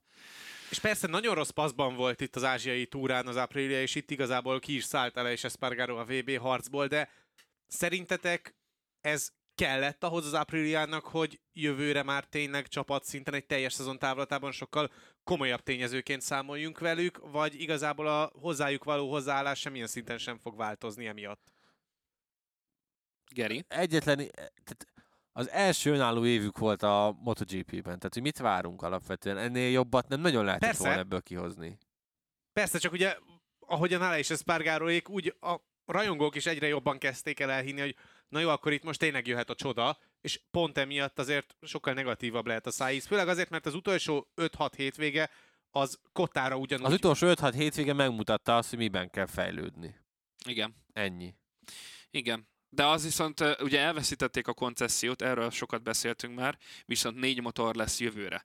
Tehát az a plusz két motor, az rengeteg adatot fog Az fog szolgálni. sokat számítani, igen. Tehát ennél többet nem lehetett volna megtenni. Tehát az első önálló gyártói éved, amit nem a Grezinivel közösen mm, csinálsz meg, ennél több ebben nem lehetett, én azt gondolom. Tehát előbb-utóbb várható volt, hogy jön egy valamilyen szintű visszaesés, és, a, és az ázsiai meg tengeren túli versenyek, az adatok hiánya, azok egyértelműen kinyírták a, az Aprilia bármilyen szintű esélyeit. Ennyi.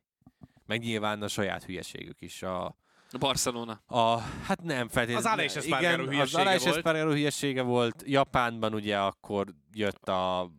Rajta hagytuk a. Mappinget. mappinget. Tájföldön a Binderféle kicseszés. Tájföldön igen, ugye a Binderre való összeakadás.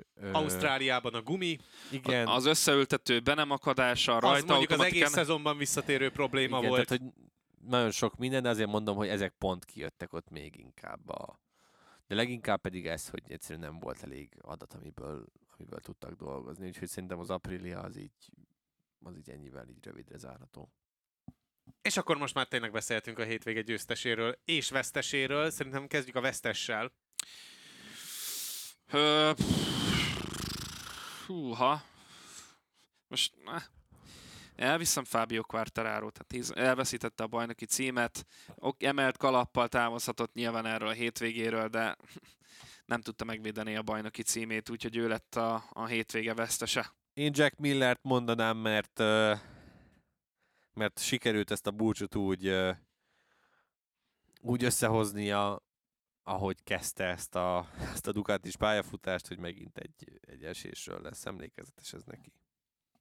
Én meg hozom alá is Espargarot, mert azért ő is elveszítette a VB dobogót ezzel a nullázással, és persze technikai hibának köszönhette mindezt, de ettől függetlenül belefért volna, és simán kinéztük volna belőle azt, hogy legalább az utolsó hétvégén valami érte, érdemit összehoz, és meg tudja tartani azt a harmadik helyet Bastianinivel szemben. Győztes! Én elviszem az legegyértelműbbet, hogyha Dávid most elvitte a legegyértelműbb vesztest, vesztest bányája. Ti jöttök. Én mondom Alex Rins-t. Szerintem, és a, és a komplet suzuki tehát legalábbis a csapatot. Tehát itt nem feltétlenül a gyárra gondolok ott ö, Japánban, hanem az egész csapat.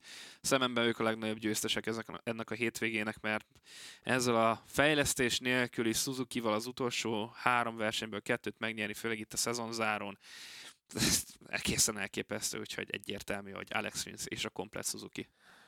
Paul Espargaro, Miguel Oliveira, ö, Raúl Fernández, így, a, így az átigazolók közül Alex én Márquez? Így, én így őket mondanám. Alex Márquez is egyébként alapvetően. Fú, tehát, amúgy- nagyon sok ö, versenyző így megszabadult a, a kolonctól, amin, amin ücsörgött, és, ö, és lehet, ö, lehet egy új, jobb kezdetet, ö, kezdetet összehozni majd, majd nekik.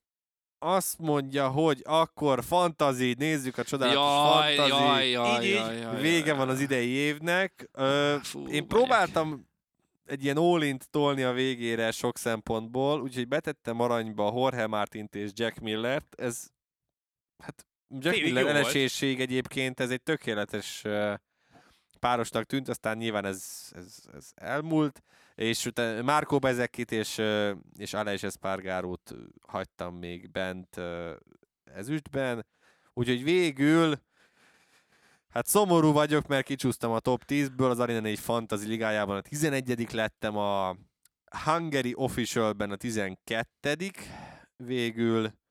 Uh, Tavaly hanyadik voltál? Nem Mert tavaly te is játszottál, meg Dávid tavaly, is. tavaly szerintem sokkal hátrébb voltam. Uh-huh. Úgyhogy ez, ez a csúcsom szerintem a következő három évben ennek a közelében nem leszek. A, a Motul League-ben 1753 és a MotoGP Officialben pedig 3020 lettem az 58603 emberből, aki fantazizott idén. Én megkímélem mindenki életét, és rövidre fogom, 29 lettem. Top 30 pozitívumok. Hát én ugye megkezdtem a szezon hajrájában a nagy kampányt a top 10-ért, hát ez végül elhasalt, és végül top 20 sem lett belőle, de a 25. helyet sikerült az első évenben összekalapálni. Ráadásul úgy, hogy az utolsó hétvégén ott az események keresztüzében fantazit is elfelejtettem állítani, úgyhogy Bányaya Miller volt a két aranyversenyzőm, Vinyales és Bezeki pedig a két ezüst, és a Ducati volt nyilván a gyártom. Úgyhogy így zárom azt a szezont. Amúgy ez most. Top Amúgy- 3-ban végül ugye Zozi Master lett az első, ő szerintem gyakorlatilag végigvezette. Tehát Végig jó formán. emlékszem, hogy az, elején, az majd- elején talán, az els, amikor először elhasználta az első duplázását, Mindegy, tehát akkor fordította gyakorlatilag majdnem végig vezetve Zozi Master behúzta az Arena 4 Fantasy Ligát, RR Factory GP lett a második, és Joker pedig a harmadik, bár mondjuk ő olasz helyszínről jelentkezett be, tehát nem tudom, hogy végül Hát. mennyire. Ö, De mindegy, gratulálunk mindenkinek, jövőre folytatjuk, és megígérem, hogy jövőre A top 30-ban sem sokkal leszel, ahogyan te mondod. leszek, sokkal, sokkal rosszabb szerintem ezt tényleg. Fölírtam amúgy most a helyezéseket és a fantasy pontokat, úgyhogy Nagyon jó, akkor ha már úgyis akkor Meg van nyitva a jöhet, a, jöhet a tipjáték. Na, hát itt legalább nem vagyok olyan rossz hármunk közül, mint a sima fantaziba. Geri nyomott egy Bastianini, Martin, Marquez uh, triót. Ez, hogy, ha jól emlékszem, Martin ugye második lett uh, itt Valenciában, harmadik. Harmadik. harmadik lett, akkor viszont besárgázom. Akkor rosszul Mit emlékeztem. mondtam? Bastianini? Martin Márquez, úgyhogy egy pont, tehát 38 ponttal végeztél hármunk közül. Isti Quartararo, Rins Miller, Ú, igen, ti nagyon elhittétek ezt a Quartararo a hétvége előtt. s egy pontot azért összeszedtél. Én is elhittem, Mondom, nyilván. Quartararo Meghallgattam a podcastet, amit kint felvettetek. röhögtél. Igen, hát Igen. elhittem. Igen, hát én mondtam, hogy eh, vagyjuk vagy. Hát figyelj, Igen. vágyvezérelt gondolkodás vezette a tipjeinket, hogy legyen szoros a VB. Figyelj, én, én úgy mentem, mint a Ducati, tehát én nem akartam ilyen, ilyen handicapesen megoldani a történetet, hogy én elhiszem a, a bányáját, én se hittem el, hogy a bányája képes lesz megcsinálni, mégis sikerült neki. Quartararo, Marquez, Bastiani 1-2-3, jól földbe álltam nullával, de az összpont számaink az úgy alakult, hogy hátulra előre fele, 21 az Isti, 28 én is, 38 a Geri. Bravo, szép volt Geri. 38. Igen, az lett a Mennyi lett volna a maximum? Hát, ugye 9 ö, pontot 20 lehet kasszírozni egy hétvégén, ugye? Igen. Igen. Hú, ugye. És volt hány, hány 180. 180-ból 38-al meg lehetett nyerni. Jó, hát ez kicsit olyan, mint a 2022-es MotoGP év, hogy így ott Jó, az hát 500, figyelj, Ez 500-ból volt a lehetett kezdőévünk 200. ebben a rendszerben, jövőre még finomítjuk. Hát Igen. majd végig gondoljuk azt, hogy, hogy hogyan akarjuk ezt a szabályrendszert Na, jön a-. Jól van, akkor az igazi sírás az most következik viszont. Na, Ugye én visszahallgattam ígéretem szerint azt, hogy mit tippeltünk a szezon előtt. jaj, az rohadt nagy. Ö, hát bajnoknak Dáviddal mi betippeltük bányáját, úgyhogy az, az, az, az, az talált. Isti Mark Márquezt szerette volna bajnokként látni. Ez Fogalmazhatunk így is. mondhatjuk, mondhatjuk, hogy nem sikerült. Ö, szatellitből mindenki azt mondta, hogy Martin lesz a legjobb. Ez sem feltétlenül talált, ugye? Ezt is benéztük. Az újoncokat ti eltaláltátok, tehát, hogy, vagy az újoncot ti eltaláltátok. Én valamiért elhittem, hogy Raúl Fernández ezzel a ezzel a... Jövőre eltalálod az év újoncát, ne aggódj. Hát jövőre mindenki eltalálja az év újoncát, abban biztos leszek. Eddig vezetek. Ja, hogy ezt számolod. Persze, persze valamivel hagyj számol. már, vagy legalábbis Ezt próbálok. akkor megnyerted, mert ugye a konstruktőriben mindenki a Ducatit mondta, a csapatban ugyanígy mindenki a Ducatit, szatellit csapatban pedig a Pramakot, úgyhogy az is, az is talált egyébként. Ö, úgyhogy ez Dávid, ha ezt így fel akarod írni, akkor ezt megnyerted. Hát ezt a kis, ez a, ez a rookie, rookie bajnoki cím, amit mindenki elfed, meg le is szar, de Igen, a, a 23-as rajtrácsot is ugye egyszer összeállítottuk, hát az, az úgy néz ki, hogy Banyaja Martin, tehát itt Banyaját eltaláltuk, de ugye neki tudtuk, hogy van szerződése. A Pramákhoz vizionáltuk Millert és Bastianinit, ez egyáltalán nem talált. A VN46-ot azt telibe vertük Marini Bezekki. A Grezinire azt mondtuk, hogy marad Dijan Antonio, és egy amerikai per brit érkezik a helyére. Ö, nem igazán így történt. A kontinens megvolt, hogyha a britet nézzük. Igen. Kontinens. Hát- Ja, igen, úgy értem. Jó, hirtelen nem raktam össze. Suzuki Rinsmir, okay. rajtrácson se lesz ott a Suzuki, tehát ez kuka. Aprilia, Vinyales, Aleix, azt eltaláltuk. A KTM-hez, a gyári KTM-hez azt tippeltük, hogy marad a Binder Oliveira duó, tehát itt nem hittük el, hogy Miller átigazol. A Tech 3, Gardner Acosta, nem az igazi. A Repsol Honda-nál Mark Marquez, Paul Espargaro, LCR Honda, Alex Marquez, Ai Ogura, ö, Yamaha, Quattraro, Morbidelli, Ezt eltaláltuk. Ö, és az RNF Yamaha-t azt csak én mondtam ott valamiért, mert nem emlékszem pontosan abban az adásban, de én Oliveira, hoppá, Oliveira, Paul Espargarót mondtam, tehát a, az RNF-nek a felét mondjuk eltaláltam, úgyhogy ez szerintem Nem tudom, hogy miért nem mondtuk, mert ott, ott azon gondolkodtunk, hogy egyáltalán ö, Yamaha, vagy mi lesz, egyáltalán lesz-e Yamaha RNF, vagy, vagy nem tudom, nem, valami. nem gondolkodtatok ilyen, akkor még ott nem volt ez a legelső adás volt az évben, akkor még nem volt ilyenről szó, hogy most ott mi lesz. Lényegtelen, mindegy, megcsináljuk ezt idén is, nagyon-nagyon jó lesz, úgyhogy. Úgyhogy öröm, öröm és boldottá minden esetből. Ennyi. Ö, gyorsan még ö, fussunk végig a teszteken. Szerintem arra akár jövő héten részletesen vissza is térhetünk. És akkor ilyen egybekötött szezonzárót csináljunk a tesztekkel?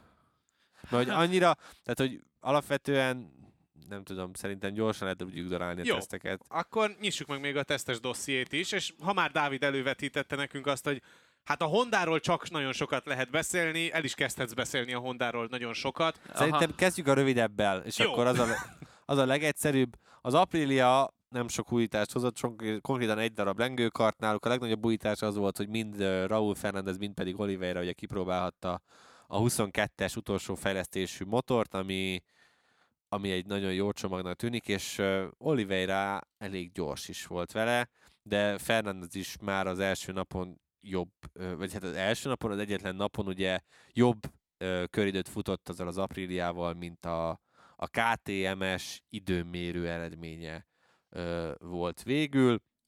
Úgyhogy az Apriliának ez a négy motoros felállás, ez, ez azért, ezért jó lehet.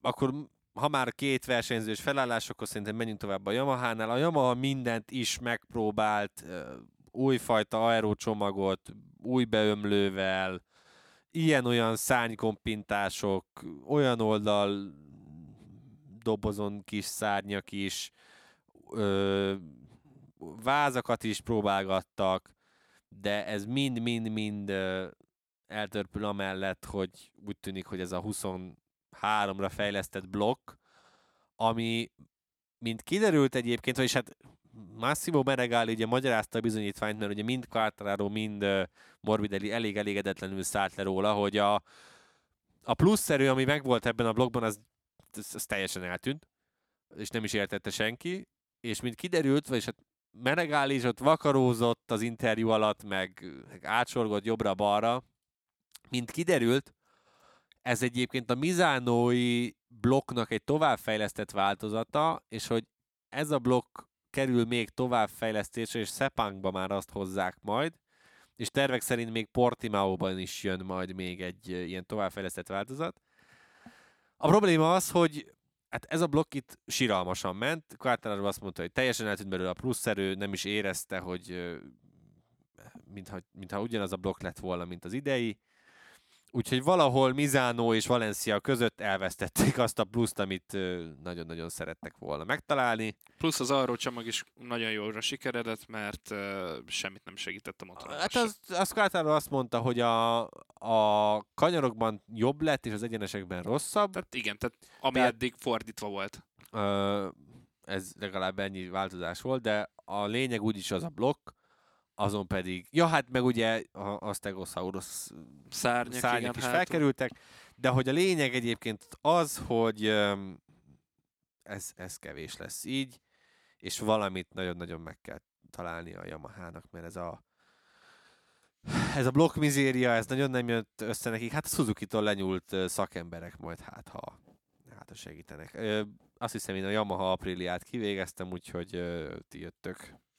Ugye a KTM hozott új vázat, amivel ugye Binder már motorozott is a hétvégén, ezt sikerült aztán tovább farigcsálni, hoztak új aeroelemeket, új légbeömlőt is ugye az újjá alakított aero csomagon ott elől, ugyanazokat az oldaldobozokat próbálgatták lemásolni, akár az Apriliáról, akár a Ducatiról így utólag belegondolva, mint, mint amit oly sokan próbálnak még átvenni, és összességében egyébként a KTM radikálisan megváltozott az aero csomagjainak köszönhetően, illetve ugye új kipufogót is hoztak. Mindegyikben egy, ahogy beszéltünk róla, egy revolúció van a KTM-nél, mindent, amit csak lehetett, átfaragtak rajta, plusz hoztak ezt a ground effectet kiváltó alsó idomot is, amit szinte az Apriliától, ugye azt mondtad most az előbb, ugye, hogy azt kopintották, tehát hogy minél jobb legyen a tapadás a kanyarokba. Ez a revolúció egy nagyon jó irányt vázol föl 2023-ra náluk, a jó kérdés az az, hogy még milyen elemeket fognak tesztelni a jövőben, hogy egy körön is jók legyenek. A Honda-nál is próbálkoztak mindennel, mindenfajta szárnyanemmel, hátul, alul, elől, fejidommás, a Kalex lengőkar, amiről már amúgy hetek óta tudunk, mindent is hoztak, csak az a baj, hogy nem működik. Tehát Mark Márquez amúgy egy kicsit beteg volt a hétvégén, ő ment a legkevesebb kört ezen a teszten, és nem érezte úgy, hogy ez a motor... Tehát konkrétan azt mondta, hogy ha ezzel a motorral kellene 2023-ban rajta szállniuk, akkor nem lennének bajnokok. Igen, esélyük sem lenne harcolni a világban. Es, esélyük sem lenne. Azt mondta, hogy a, a várt előrelépés az nem jött meg. A várt előrelépés nem jött össze, úgyhogy rengeteget farigcsáltak rajta. Puzsistól is kérdezték abban az összefoglaló videóban, amikor mindenki mástól is, a mérnök, vezető mérnököktől, meg csapatfőnököktől, hogy miket hoztatok újításokként. Ő meg azt mondta, hogy mit nem. Tehát, hogy így konkrétan mindent Tényleg, is. Ö, az a motor egyébként teljesen újnak tűnik. Eleje, hátulja, oldalról is, mindent. Nem tudsz olyan, monda, olyan részt mondani abban a motor, ami ne lenne vadonatúj. Igen, a gond az, hogy tényleg nem sikerült megtalálni azt. És a, azt is tegyük hozzá, hogy a körülmények egyébként ideálisak voltak, tehát nem az volt, hogy mondjuk eset 27 akkor, fok volt. Eset, és akkor nem tudtak vele mit kezdeni, hanem minden szempontból ideális körülmények között úgy tűnik, hogy ez a ez a Honda, ez nem az igazi, már pedig szerintem, ne legyen igazam, de ők előtték azért a Yamaha-val együtt itt, az e, itt a puskaport már most az elején, tehát nem tudom, hogy Sepangra milyen újításokat fognak tudni hozni. Ugye Márquez is szerintem a szavaiból kivéve leginkább a blokkból a, a plusz erőt hiányolt, vagy a blokkban egyszerűen nem, nem érez semmi pluszt, úgyhogy, úgyhogy ez elég, elég fura. Ami pedig szerintem pláne látszódott, ugye mind Mir és Rins csak egy rövid interjút adtak a MotoGP.com-nak, egy-egy percest, ugye, mert még egyébként meg se szólalhatnának, tehát magukról a motorról semmit nem mondhatnak, mert még ugye ketyeg az Suzuki szerződésük, de hogy hát Rinsről nekem az jött le, mint aki már most megbánta, hogy ezt a döntést hozta, hogy a Hondához írta le, mondván, hogy a 23-as motor az milyen fontos, meg hogy full gyári legyen minden évben, az neki nagyon-nagyon kell és miért sem tűnt olyan, olyan elégedetnek. Tehát a, a motor cserélő versenyzők közül, ha jól emlékszem, talán ők voltak ketten a, a legrosszabbak, úgyhogy ez elég, elég neccesnek tűnik. És hát akkor megérkeztünk a ígéret földjére, ugye a Ducati, akik tényleg úgy vannak vele, hogy nem fognak radikálisan hozzányúlni ehhez a GP22-eshez. A leg szembetűnő újdonság, ugye itt is ez a Aprilia féle oldaldoboz koppintás volt, amit egyébként Pekó Bányának kifejezetten rühelt, ő azt mondta, hogy az övék sokkal jobb, úgyhogy szerintem ő ezt nem is nagyon fogja tovább erőltetni. Zárkó és Bastianini is próbálgatta, sőt Martin is, ők egyébként alapvetően nem mondtak róla rosszakat. Az újfajta aero ellen megint csak keskenyebb lett a fejidom, és a plexi is, mint hogyha kisebb lenne, tehát ahol, ahol ki tudnak nézni előre a versenyzők, az is ott picit kisebb.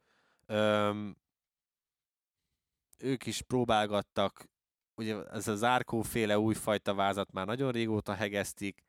Ami érdekes volt, hogy a náluk a tank pozíciójával is játszottak, és ugye azóta már kiderült, hogy ugye a sprint futamokon kisebb, tehát 12 litert lehet csak majd beletölteni a motorokba. Tehát lehet, hogy ők már ezzel is játszanak, hogy külön a sprint futamokra majd külön tankot mm, tesznek bele, üzemanyag tankot a motorba, ami azért látjuk, hogy hol tart ez a Ducati, hogyha már ilyenre van idő. Illetve hát ami a legfontosabb, és szerintem Fabio Quartararo és Mark Marquez is itt döfte le magát, hogyha ezeket meghallotta, hogy a 23-as blokkról azt mondta mindegyik versenyző, hogy erősebb, de finomabban adja le ezt a plusz erőt, sokkal jobban kezelhető.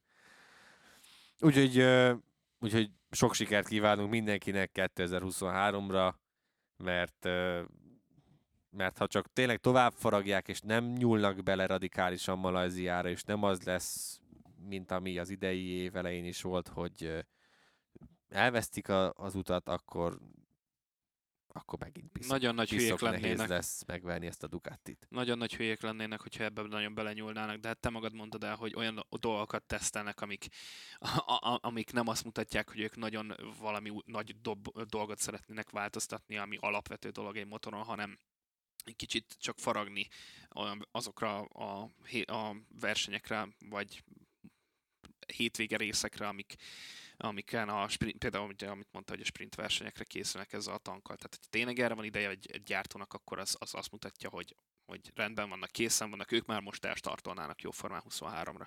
És mi is készen vagyunk már, ennyi volt a Pitlane, köszi a figyelmet. Infokért, MotoGP-s cikkekért kövessétek továbbra is az Arena 4 web és Facebook oldalát. Iratkozzatok fel az Arena 4 csatornára azokon a felületeken, amiken hallgattok minket, legyen a Spotify, SoundCloud vagy éppen Apple Podcast illetve ha értékelitek az adásokat, azt is megköszönjük, illetve kövessetek minket Twitteren, engem a K. Alsóvanás 12-n, Dávidot az Ulvar kreátoron, Gergőt pedig a Demeter Gergely három felhasználó név alatt találjátok meg. Jövő héten érkezünk majd egy teljes szezonösszegzővel, addig is sziasztok! Sziasztok! Sziasztok, és ígérjük, hogy idén nem tűnünk el annyira, mint ahogy ezt tettük tavaly télen.